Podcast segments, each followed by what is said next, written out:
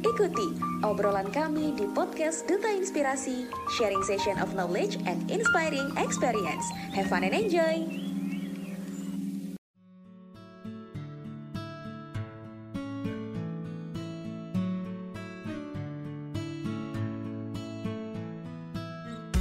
Assalamualaikum warahmatullahi wabarakatuh. Halo Sobat Inspirasi, apa kabarnya nih? Semoga sobat semua dalam keadaan sehat walafiat ya, amin. Senang sekali aku Lala Puspariani, Duta Inspirasi Indonesia dari Provinsi Bengkulu bersama partner aku nih, ada Kak Rian. Halo Kak Rian. Halo Lala, kenalin aku Rian Yuka Priano dari Duta Inspirasi Indonesia Provinsi Jawa Timur. Iya, jadi kita beda pulau ya dari Bengkulu sama Jawa Timur nih. Nah, akhirnya kita bisa menyapa sobat inspirasi lagi nih kak ya. Di mana nih kak? Yups, bener banget di Insta dong. Makin kenal, makin tahu manfaatnya. Masya Allah, luar biasa sekali ya lah ya. Nah, nggak kerasa kita sudah sampai di episode ke-26 nih lah ya. Dan di episode kali ini ada yang istimewa loh lah di sini. Pastinya belum tahu ya sobat inspirasi ya. Nah, kali ini ya, ya harus tahu dong ya karena ini sangat istimewa jangan sampai ketinggalan dan juga jangan ganti-ganti channel ya sobat ya sampai selesai nantinya. Iya, benar banget Karian. Yang istimewa kali ini kita kedatangan guest star nih, yang luar biasa sekali. Aku baca CV-nya aja tuh sampai minder sendiri nih kak. Duh, mungkin kalau kita mau kupas semua, seharian nggak selesai nih podcast kita. Ya udah langsung spill aja yuk. Kita mau bahas apa sih Karian bersama guest star kita di episode kali ini? Oke lah. Nah, seperti tema kita pada podcast kali ini, ya ini kita akan sharing-sharing bersama gue Star. Kita bakal mengupas habis nih lah ya tentang hal-hal yang luar biasa yang ada di GS kita. Yang semoga yang semoga aja nanti kita bisa menginspirasi, kita bisa uh, dapat mengembangkan diri kita dengan kita mengikuti di episode kali ini. Nah, pastinya tertarik kan ya? Yuk gas, nggak pakai rem. Iya, benar. Nah, opening kita udah selesai kayak dan yang ditunggu-tunggu nih sama Sobat Inspirasi buat dengerin sharing-sharing dari guest star kita. So, nggak perlu berlama-lama, aku langsung aja sapa guest star kita nih. Halo, Assalamualaikum Kak Sandra. Halo, Waalaikumsalam warahmatullahi wabarakatuh. Halo Lala dan juga partner tadi ya, lupa. Iya, Kak Rian ya. Oke, Rian, boleh nih Kak Sandra uh, perkenalan dulu sama Sobat Inspirasi nih yang lagi dengerin kita. Baik, terima kasih uh, Lala dan juga Rian atas kesempatannya dan halo semuanya sahabat inspirasi. Perkenalkan, saya Sandra Hidayat. Um, saat ini sebagai apa ya? Ya saat ini uh, baru lulus dan insya Allah bakal lanjut uh, studi S2. Dan sekarang kesibukan uh, saya juga sebagai seorang presenter atau pembaca berita dan juga pembawa acara di sebuah televisi lokal di Provinsi Bengkulu. Selain itu, saya juga aktif dalam dunia kebahasaan dan juga literasi, dan saya bergabung bersama Ikatan Duta Bahasa Provinsi Bengkulu. Dan selain itu, saya juga saat ini aktif menulis, dan alhamdulillah uh, dua tulisan saya sudah dibukukan. Yang pertama baru uh, Januari kemarin itu adalah buku autobiografi yang berjudul Ketika Doa Menjadi Senjata. Dan tulisan saya kedua ada di antologi Langkah Kecil dalam Lorong Mimpi dan saya menulis bersama beberapa penulis yang dirilis di Gramedia Bengkulu. Mungkin itu dulu deh, Kak Lala. Oke, Masya Allah luar biasa ya Kak ya. Oke, siap, siap. Oke, oke, siap. Terima kasih Bang untuk perkenalannya Bang. Nah, jadi kita ya. kali ini lagi ngobrol bareng bersama sama Pak presenter yang biasanya kita lihat di TV nih loh ya. Luar biasa sekali kan ya teman-teman. Nah, kita mau bahas apa dulu nih lah ya? Melihat CV-nya Kak Sandra ini luar biasa sekali. Mulai dari pencapaiannya, pengalaman, dan karya pun pasti ada. Nah, boleh salah dulu nih. Oke, tadi juga udah di skill sama Kak Sandra tentang perkenalan secara singkat aja udah luar biasa sekali ya. Itu baru di awal gitu. Ini belum kita kupas habis. Nah, karena banyak banget kita mau bahas satu-satu nih karya sama Kak Sandra. Yang pertama kita mau bahas soal prestasi atau penghargaan yang pernah Kak Sandra raih nih. Dan aku mau bacain sedikit ya beberapa. Yang pertama, Cassandra pernah menjadi perwakilan Indonesia dalam Bali Democracy Student Conference, kemudian penerima Student Mobility Program Singapura, Malaysia, dan Thailand dari Kementerian Agama Republik, Republik Indonesia tahun 2019, kemudian peserta World Heritage Camp Indonesia Kemendikbud 2019, Selanjutnya, penerima beasiswa PPA IAIN Bengkulu 2019 dan 2020. Kasandra juga sebagai peserta teladan negara. Selanjutnya, sebagai Duta Bahasa Nasional Kemendikbud Republik Indonesia tahun 2019. Wah, sebenarnya masih banyak banget nih, tapi ini udah mewakili kalau Kak Sandra itu benar-benar uh, sangat berprestasi nih Sobat. Kalau boleh cerita nih Kak ya, dari yang Lala sebutin tadi, boleh nih Kak, uh, Kak Sandra ceritain dari pengalaman, dari kegiatan itu, yang mana sih yang sangat berkesan, dan pelajaran apa sih yang bisa Kakak ambil dari pencapaian itu?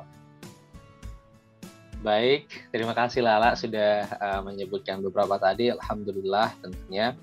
Dan kalau apa ya ditanya yang paling berkesan gitu ya, sebenarnya setiap kegiatan itu mempunyai kesannya masing-masing gitu. Dan tetapi kalau apa ya kalau Sandra balik lagi gitu balik lagi ke masa lalu melihat kilas balik lah flashback yang paling berkesan sebenarnya adalah ketika menjadi seorang duta bahasa karena itu ibaratnya sebuah apa ya sebuah gerbang bagi saya untuk bisa uh, ikut kegiatan-kegiatan yang lain. Nah, karena kenapa? Karena ketika saya mengikuti uh, atau bergabung bersama Duta Bahasa Provinsi Bengkulu, di situlah saya melatih komunikasi baik dari bahasa saya, kemudian uh, bagaimana cara berkomunikasi dengan baik dan juga uh, mempelajari apa ya uh, karakter orang. Nah, karena memang bahasa itu tidak hanya sekedar lisan, tetapi ada bahasa isyarat, ada bahasa tubuh dan lain segala macamnya. Nah, dan di situlah saya melihat bagaimana uh, kita sebagai manusia uh, bahasa itu sangat-sangat penting sekali. Di mana pun kita berada, apa pun pekerjaan kita, apa pun jurusan kuliah kita, bahasa sangat penting. Nah, jadi saya dari awal dan ibaratnya uh, duta bahasa itu menjadi gerbang saya untuk ikut yang lain. Seperti ikut Bali Demokrasi Students Conference, kemudian Student Mobility, hal tersebut tidak lepas tentunya dengan uh, apa ya, dengan kemampuan berbahasa yang sangat dibutuhkan. Mungkin teman-teman yang lain juga barangkali uh, pernah ikut ini, ikut itu, pasti merasakan betapa pentingnya sebuah bahasa. Nah dan juga duta bahasa uh, apa ya, duta bahasa menjadi berkesan itu karena saya masih ingat dan hari ini tepat dua tahun, tepat dua tahun hari ini dua tahun yang lalu kami sedang berada di gedung DPR MPR RI, sedang menghadiri sidang bersama DPR, MPR dan juga DPD RI dan juga mendengarkan pidato uh, kepresidenan. Nah waktu itu kami juga diundang untuk menjadi peserta teladan negara. Nah, itu tak 16 Agustus. Kemudian di 17 Agustusnya, alhamdulillah kami juga diundang uh, untuk menjadi apa ya peserta di upacara bendera di Istana Merdeka 17 Agustus dua tahun yang lalu sebelum pandemi. Namun sayang ya kita melihat 2020 dan 2021 kemungkinan tidak uh, seperti 2018 ataupun 19. Nah jadi saya merasa yang paling berkesan hingga detik ini adalah kegiatan duta bahasa uh, Provinsi Bengkulu dan juga duta bahasa nasional.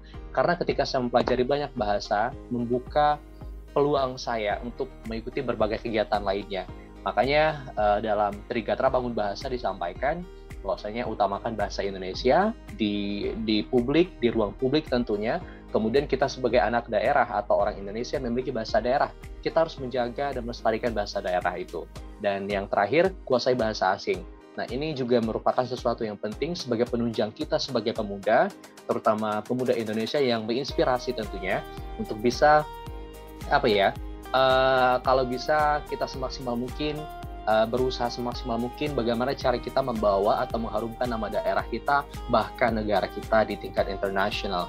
Uh, oleh karena itu uh, itu yang paling berkesan. Dan saya juga berharap teman-teman uh, semuanya uh, melihat bahasa itu sangat penting sekali. Dan juga satu lagi dengan berbahasa di situlah saya mulai mempelajari bagaimana menulis dan lain segala macamnya. Dan alhamdulillah saya berkesempatan menerbitkan uh, beberapa tulisan yang dibukukan dan alhamdulillah untuk buku yang diterbitkan terakhir uh, sudah apa ya alhamdulillah sudah dibaca oleh teman-teman dari berbagai provinsi di Indonesia dan juga hampir di seluruh kabupaten di provinsi Bengkulu itu mungkin Lala dan juga Rian.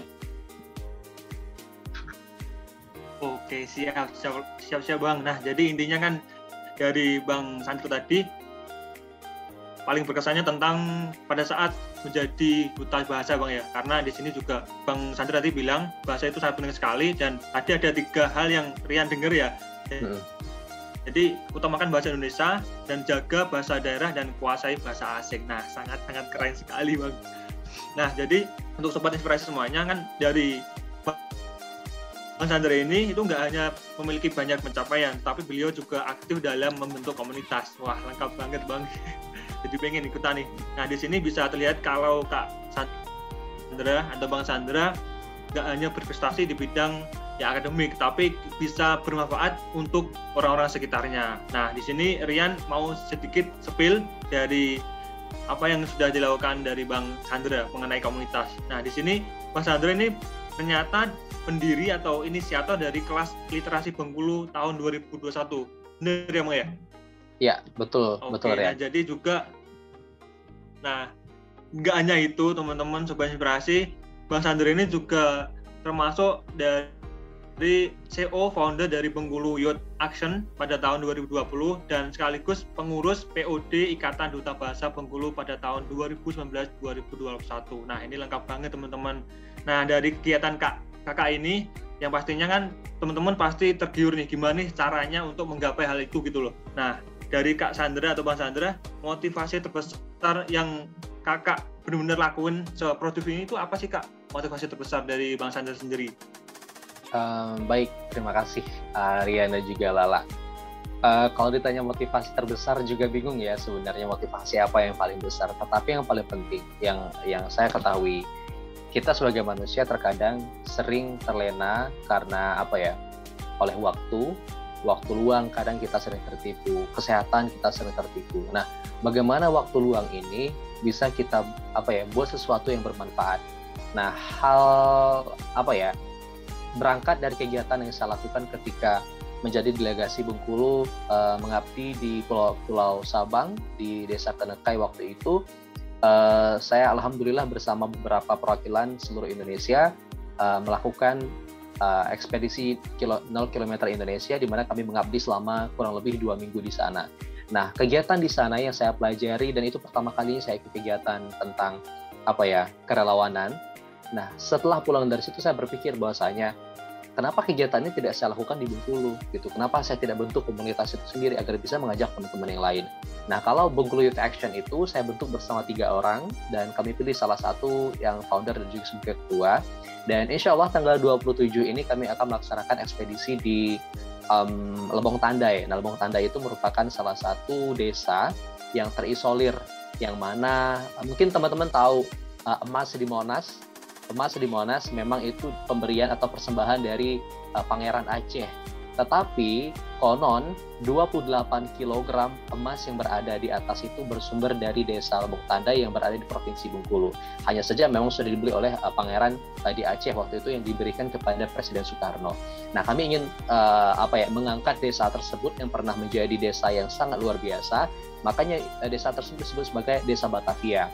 Nah, kembali lagi ke motivasi terbesar tadi, uh, seperti slogan Bengkulu Youth Action, yaitu mengabdi di negeri sendiri. Sebisa mungkin kita sebagai pemuda, kita tahu mungkin banyak orang yang memberikan dampak baik di, di Indonesia, di mana pun itu, uh, punya bidangnya sendiri-sendiri. Dan kami, dan saya merasa, ya saya mungkin bidangnya di sini dalam pendidikan dan juga sebagai anak bahasa. Jadi saya lebih ke kami kegiatan sosial kemasyarakatan tetapi fokusnya ke pendidikan dan juga ke kebahasaan atau literasi karena memang uh, berdasarkan data bahwasanya uh, sebuah negara dengan pendidikan yang baik biasanya tingkat literasinya juga baik. Nah kita sebagai anak muda sebisa mungkin meningkatkan literasi di Indonesia. Nah kembali ke motivasi tadi uh, motivasinya itu tadi kalau bisa menjadi orang yang berguna gitu ataupun yang bermanfaat. Karena seperti kita tahu dalam sebuah hadis Rasulullah SAW bersabda sebaik-baik manusia adalah yang paling bermanfaat untuk orang lain. Jadi uh, ini menjadi sebuah pedoman bagi saya uh, meskipun kita nggak soleh-soleh amat gitu ya, meskipun kita nggak pintar-pintar amat, tetapi sebisa mungkin bermanfaat deh untuk orang gitu agar waktu kita itu juga berguna gitu. Jangan sampai kita terlena. Kadang kita diberi waktu luang kadang main gawai terus, main gadget terus, tapi kita lupa untuk berbuat sesuatu seperti itu. Jadi motivasi terbesarnya adalah untuk menjadi orang yang bermanfaat dan juga mengabdi di negeri sendiri seperti uh, slogan dari Bengkulu Action. Mungkin itu Rian. Oke, eh, kita udah sama-sama dengerin nih ya motivasinya Kak Sandra gitu. Dan luar biasa keren banget nih sobat. Di situ kita bisa pahami bahwa sejauh apa pun kita menuntut ilmu ke mana pun kita kita harus pulang nih. Kita harus melihat kondisi kita. Kalau bisa kita memberikan bermanfaatan bukan hanya untuk uh, di luar tapi di daerah kita sendiri gitu. Dan sebaik-baiknya manusia adalah memanusiakan manusia. Jadi emang benar kalau kita bisa memberikan bermanfaatan itu alangkah baiknya gitu ya kak. Nah uh, tadi uh, itu kita udah dengerin motivasinya Kak Sandra dan kita udah tahu nih kan kesibukannya Kak Sandra tuh sebagai presenter RBTV TV nih. Terus beliau juga aktif nih sebagai pemateri ya Kak ya. Ya, alhamdulillah kalau diundang gitu. nah, jadi uh, terus uh, Kakak ini baru lulus juga dan baru mau masuk uh, apa ya? sarjana eh S2 gitu ya kak? S2 ya dan juga uh, mungkin saya juga uh, minta bantu doanya sama teman-teman semoga lulus beasiswa gitu. Iya, amin kita sama-sama doa. Ya. Nah itu kan kalau melihat aktivitas itu tuh padat banget ya kak. Nah kita mau tahu nih gimana sih sistem time managementnya kak Sandra gitu bisa produktif tapi nggak bikin kita jadi kayak terlalu aktif, nggak terlalu bikin kita sampai sakit gitu karena kesibukan-kesibukan gitu kak. Boleh nih kak Sandra cerita ke kami nih, kita mau dengerin. Oke, baik. Terima kasih Lala atas pertanyaannya. Nah, uh, sebenarnya kalau apa ya, kalau melihat time management atau manajemen waktu, uh, saya ketika masih berstatus mahasiswa semester uh, mahasiswa strata 1 atau sarjana, saya membuat semacam planning di mana dalam empat tahun itu di semester pertama sebisa mungkin saya mengejar maaf di tahun pertama semester 1 dan 2 saya membuat manajemen waktu saya bagaimana mengejar nilai dan dan IP yang baik semester 1 sebaik mungkin setinggi mungkin di semester 1 dan 2. Nah, kenapa demikian? Karena jika kita sudah dapat nilai tinggi di semester 1 dan 2, biasanya 3, 4, 5 dan seterusnya itu nggak bakal jauh berbeda. Nah, di semester di tahun kedua, semester 3 dan 4, mulailah kita ikut kegiatan baik itu organisasi kampus maupun di luar kampus semester 3 dan 4. Jadi kita berusaha nih ngimbangin dulu antara akademik di kelas dan juga kegiatan non akademik di luar di luar kelas seperti itu dan berbagai kegiatan. Nah di tahun ketiga teman-teman sebisa mungkin uh, cari kegiatan atau event di luar kampus baik itu konferensi, baik itu pertukaran, baik itu student uh, exchange ataupun mobility program dan lain sebagainya itu di tahun ketiga semester 6 dan 7. Nah, di tahun terakhir semester uh, 7 dan 8 fokuslah kepada skripsimu. Nah, seperti itu. Dan saya kemarin sempat terlena. Jadi memang ketika semester 7 saya masih ikut ini itu ini itu akhirnya saya juga uh, terpaksa wisudanya apa lewat sedikit lah gitu tapi nggak sampai lima tahun gitu nah jadi itu hal yang saya lakukan ketika masih menjadi mahasiswa sarjana memanajemen waktu di tiap tahun. Atau mungkin saya ikut ini di semester di semester ini saya ikut ini di tahun ini seperti itu. Nah ketika sudah selesai atau mungkin di luar ketika saya sudah mulai bekerja juga saya lebih uh, memanajemenkan waktu saya berdasarkan skala prioritas. Nah mungkin kalau teman-teman yang apa ya yang hobi berorganisasi nggak nggak asing dengan skala prioritas kita memperhatikan mana yang penting dan uh, mendadak atau mungkin uh, tergesa-gesa atau mendadak seperti itu. Jadi kita perhatikan, ketika ada dua pilihan, satu penting tapi nggak mendadak, sedangkan satu lagi penting dan mendadak, pilihlah yang penting dan mendadak terlebih dahulu. Begitupun seterusnya, ada yang penting tapi nggak mendadak, ada yang mendadak tapi nggak penting misalnya. Dan itu yang dapat merasakan apakah itu penting atau tidak, yang dapat merasakan skala prioritas itu adalah kita sendiri. Kita sebagai orang yang menjalani hidup, kita lebih tahu prioritas kita yang mana. Nah, satu catatan, meskipun kita uh, berorganisasi, ikut kegiatan di luar kampus, tetapi tetap jangan lupakan kewajiban kita, yaitu kuliah Nah, karena orang tua kita di kampung barangkali yang tinggalnya di kampung, yang tinggalnya jauh dari kita, taunya kita kuliah gitu. Taunya kita adalah seorang mahasiswa menyelesaikan studi. Uh, mungkin barangkali orang tua kita nggak tahu kita ikut kegiatan ini, ini itu. Tetapi meskipun kita aktif di luar, tetap ikuti uh, kewajiban kita menyelesaikan studi kita. Jadi fokus juga ke akademik atau mungkin di perkuliahan seperti itu. Jadi sekali lagi uh, buatlah apa ya planning waktu yang baik tetapi jikalau memang teman-teman melihat time management sudah banyak sekali, itu gunakanlah skala prioritas tadi. Mungkin teman-teman bisa searching lebih lanjut tentang skala prioritas itu. Mungkin itu Lala, terima kasih. Oke, siap. Terima kasih Bang atas saran-sarannya Bang. Nah, jadi intinya Rian mau menyimpulkan sedikit juga dari apa yang disampaikan Bang Rangga ya. Bang Sandra, maaf. Iya. Rangga nanti ada Bang cinta Sandra, lagi. Jadi intinya maaf Bang, maaf Bang. Nah, jadi intinya ya kita buat planning dengan waktu yang baik dan semisal kita waktu di masa kuliah kan ada semester satu nah ini kita catat dulu nih mau apa aja semester dua mau ngapain aja sampai semester akhir nah itulah Betul. nanti yang kita bakal bisa jalanin dan bakal kita bisa merencanakan dan semoga aja nanti bisa sesuai dengan target kita gitu bang ya Ya betul okay, sekali. Jadi okay, kalau bisa okay. di nah, jadi, per tahun itu benar kita okay. rencanakan dari awal gitu. Oke, siap-siap Bang. Nanti buat catatan Rian juga nih. Karena boleh, sering boleh, molor boleh. juga sih Bang kalau ada apa-apa. Oke, nah, oke kita bahas lagi nih eh, teman-teman semuanya okay. inspirasi kan tadi dari Bang Sandra juga tadi di awal udah nyebutin ya tentang pembuatan buku nih Bang ya dengan ya, judul ya, Ketika Doa Menjadi Senjata. Wah, ya. keren. Keren banget Bang. Ini kalau boleh tahu kita bisa ngasih di mana ya Bang kalau pengen lihat di di Google apakah ada Bang atau harus beli uh, dulu nih? Oke, okay, baik. Jadi memang sebenarnya awalnya buku ini uh, saya tulis itu sebagai bentuk hadiah untuk orang tua ketika wisuda kemarin.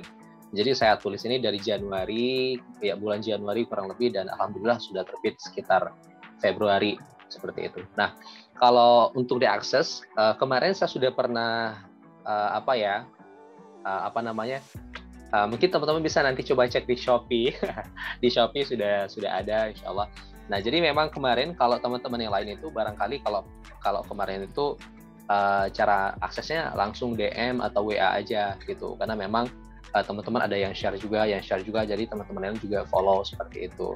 Nah kemudian uh, mungkin saya langsung apa ya menyampaikan apa sih pesan yang saya sampaikan dalam buku ini? Itu. Nah mungkin seperti judul nih Rian, ya seperti judul dan juga uh, Rian dan juga Lala. Judulnya adalah Ketika Doa Menjadi Senjata. Jadi ini adalah sebuah buku autobiografi perjalanan hidup saya yang barangkali bisa berguna untuk orang lain. Jadi saya tidak menceritakan tentang baik-baiknya saja gitu, tapi juga saya menceritakan bagaimana keadaan uh, buruk, mungkin keadaan yang tidak kita inginkan terjadi dalam hidup saya juga ceritakan di sini.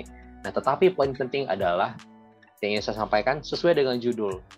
Sekecil apa pun yang kita lakukan, urusan kita tetap libatkanlah yang maha kuasa, gitu. Karena uh, kalau bagi saya dalam meraih sesuatu dan apa pun itu usaha dan doa harus diseimbangkan. Karena bagi orang yang apa ya, insya Allah beriman, uh, doa itu senjata, gitu. Doa itu senjata. Bahkan kadang usaha kita usaha kita nggak ada apa-apanya usaha kita gitu tapi malah karena doa orang tua doa keluarga dan itu bisa terwujud nah yang ingin saya sampaikan di sini adalah uh, doa itu menjadi senjata bagi kita yang percaya yang percaya karena yang seperti kita tahu Allah itu dekat tidak bersentuh jauh tidak berjarak seperti itu jadi dia dekat tidak bersentuh dengan kita tetapi jauh nggak ada jarak yang seperti itu dengan kita seperti itu mungkin itu Rian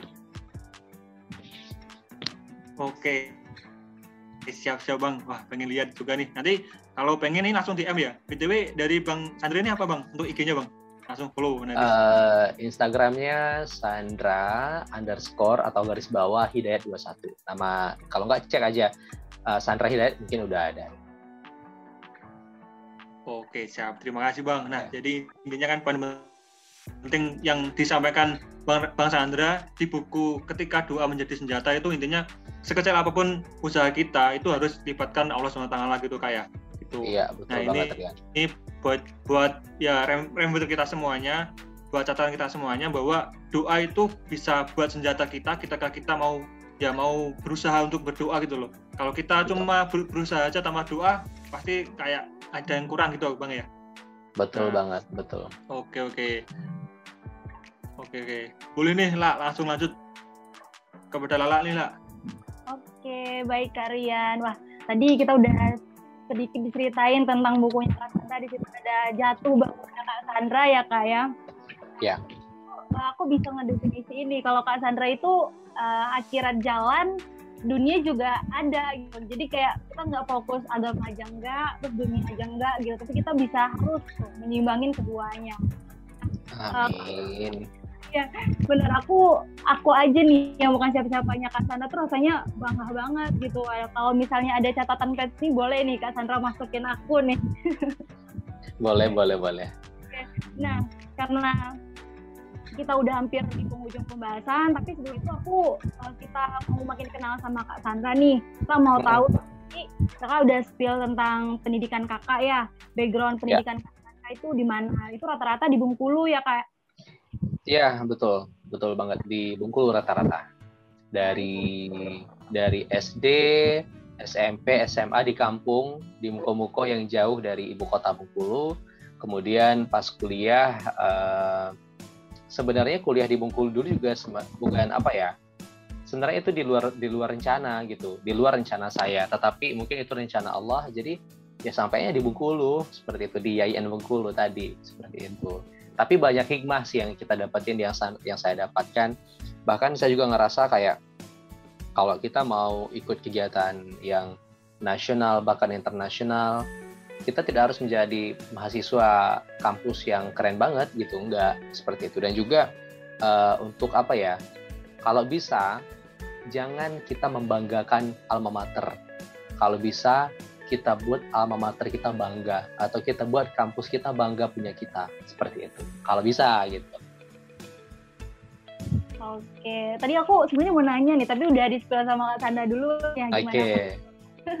ya gimana pandangan kalau misalnya kita akan banyak tuh yang bilang kalau kamu mau sukses kampusnya harus yang ternama gitu. Kamu harus tahu gitu biar uh, kayak keren aja gitu ya Kak dengernya. Betul, betul, betul. Ah, benar. Sebenarnya hmm? Ya gimana kak? Uh, uh, lanjutin ya. Jadi kalau kalau menurut menurut kakak sendiri, uh, kalau kita masalah apa ya menuntut ilmu di mana pun itu, itu pasti ada kelebihan dan kekurangannya di mana pun, baik itu kampus uh, negeri, swasta, kampus umum, kampus perguruan tinggi Islam dan segala macamnya pasti ada kelebihan dan kekurangannya seperti itu. Nah, tetapi itulah tugas kita sebagai mahasiswa bagaimana critical thinking kita itu dibutuhkan diperlukan apa sih yang kurang seperti itu. Dan itu kita gali di tempat di tempat lain apakah itu di komunitas di organisasi dan lain segala macamnya tapi kalau masalah uh, latar belakang pendidikan tempat belajar itu kalau menurut saya nggak ada masalah. Di mana pun itu uh, sama. Karena kalau untuk meningkatkan kualitas diri itu kembali ke pribadi masing-masing. Seperti itu ya nih sobat inspirasi. Di mana pun kamu berada kalau mutiara sekalipun di dalam lumpur itu tetap bakalan mutiara gitu. Dan dari Cassandra nih kita bisa memaknai hal itu. So jangan pernah merasa minder. Nih kalau kita nih yang pendidikannya di situ-situ aja gitu ya kak. Iya betul. Ya kalau kita tanya nih yang mau berproses kita tunjuk kalau keberhasilan itu milik semua orang. Apalagi kalau disangkut pautkan dengan background pendidikan kita, mungkin kita memang nggak besar karena nama kampus, tapi nama kampus harus besar karena kita. Wah luar biasa yeah. sekali. Oke, ketika kita ngobrol nih Kak Sandra, ternyata kita udah di penghujung perbincangan kita nih. Tapi iya. sebelum yeah. nih Kak, boleh dong Kak Sandra kasih closing statementnya nih untuk anak muda yang lagi dengerin nih. Banget nih dengerin Kak Sandra gitu. Oke, okay. um, apa ya? Bingung deh. Baik, jadi kalau uh, closing statement yang dapat saya sampaikan di kesempatan ini, yang kesempatan luar biasa ini, saya juga berterima kasih uh, kepada teman-teman Duta Inspirasi Indonesia sudah memberikan kesempatan berbagi tentunya, dan semoga informasi ini juga bisa tersebar luas ke masyarakat, terutama para pemuda. Uh, pesan saya sebagai pemuda, kita tentunya uh, generasi bangsa yang mungkin kita bakal menggantikan pemimpin-pemimpin negeri ini beberapa tahun lagi. Uh, tetap belajar, tetap belajar semaksimal mungkin, uh, galilah potensi sebaik mungkin, uh, kejar cita-citamu se semampu dan sekuat tenaga, karena percayalah kalau kita berusaha dan berdoa, Allah itu tidak tidak membiarkan kita sendirian, itu pasti bakal ditolong seperti itu. Nah, kemudian juga yang ingin saya sampaikan bagi pemuda yang hari ini barangkali merasa kayak insecure gitu ya kalau bahasa bahasa bahasa daerah gitu ya. Uh, nggak apa ya uh, kurang percaya diri minder barangkali dengan apa yang kalian lakukan saat ini dengan pendidikan kalian dengan uh, apa ya organisasi kalian atau mungkin tentang diri kalian sendiri minder jangan minder. Tetaplah berusaha semaksimal mungkin untuk bisa meningkatkan kualitas diri. Percayalah terkadang uh, yang sudah kita dapatkan saat ini yang tidak kita syukuri kadang-kadang itulah impian orang lain. Orang lain ingin berada di posisi kita yang barangkali kita ngerasa ini biasa aja gitu. Tapi orang lain ketika melihat itu itu uh, impian gue banget gitu. Nah mungkin itu yang yang orang pikirkan.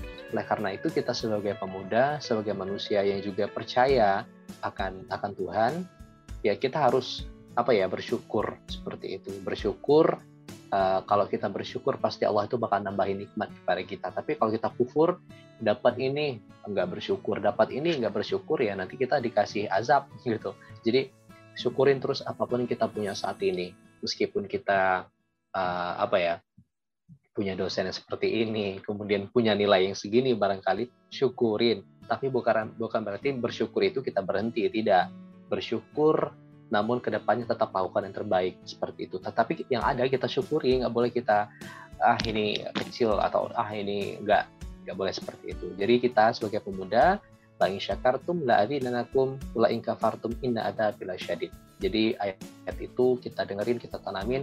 Kalau kita bersyukur insya Allah uh, Allah bakal menambahkan nikmat itu kepada kita. Tetapi kalau uh, kita kufur kita tidak bersyukur azab Allah pedih. Jadi yang paling penting kita sebagai pemuda uh, teruslah bersyukur teruslah berbuat sebaik mungkin. Dan itu tadi seimbangkan antara usaha dan doa tetapi jangan pernah kita terlena akan dunia saja, tetapi juga kita lihat bagaimana ke depannya. Karena seorang pemuda yang baik pasti uh, orangnya visioner, memikir masa depan dan masa depan tidak hanya di dunia tetapi juga di akhirat. Seperti itu. Jadi mungkin itu barangkali bagi teman-teman semuanya para pemuda teruslah menginspirasi orang karena eh, setiap orang, setiap pemuda punya cara masing-masing dalam inspirasi. Mungkin itu.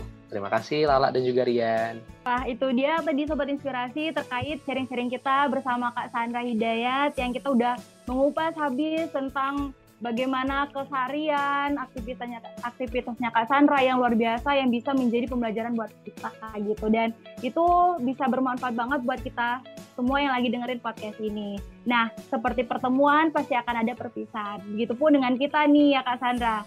Sebenarnya sedih banget nih kita harus berpisah dengan Sobat Inspirasi, tapi semoga di next agenda kita bisa jumpa lagi dan bisa sharing-sharing tentunya. Dan aku juga sekaligus mewakili tim Duta Inspirasi Podcast dan Sobat Inspirasi mengucapin terima kasih yang sebanyak-banyak. Nah nih Kak, karena ke sana udah baik banget ya udah mau sharing-sharing bareng kita, udah nyempetin waktunya juga. Semoga apa yang disampaikan Kak Sandra tadi bisa bermanfaat dan menjadi pembelajaran baru buat kita semua. Amin. Oke, aku Lala Puspariani dan partner aku, Kak Rian, bersama gue star kita pada episode kali ini, Kak Sandra Hidayat kita bertiga mohon kita bertiga mohon pamit undur diri. Jangan sampai nggak dengerin podcast kita ya sobat, karena apa nih kalian? Makin kenal, makin tahu manfaatnya. Oke, dan masih banyak lagi yang nanti bakal sobat inspirasi dengerin di Duta Inspirasi Podcast. Dan tentunya jangan lupa pantengin terus di Instagram dan sosial media dari Indonesia Event yaitu Indonesia.event dan Duta Inspirasi Indonesia Event. Sampai ketemu di episode selanjutnya bersama kakak-kakak Duta Inspirasi dan seluruh star yang ada nanti kita undang gitu. Oke, dari kita pamit diri, stay safe dan stay healthy. Wassalamualaikum warahmatullahi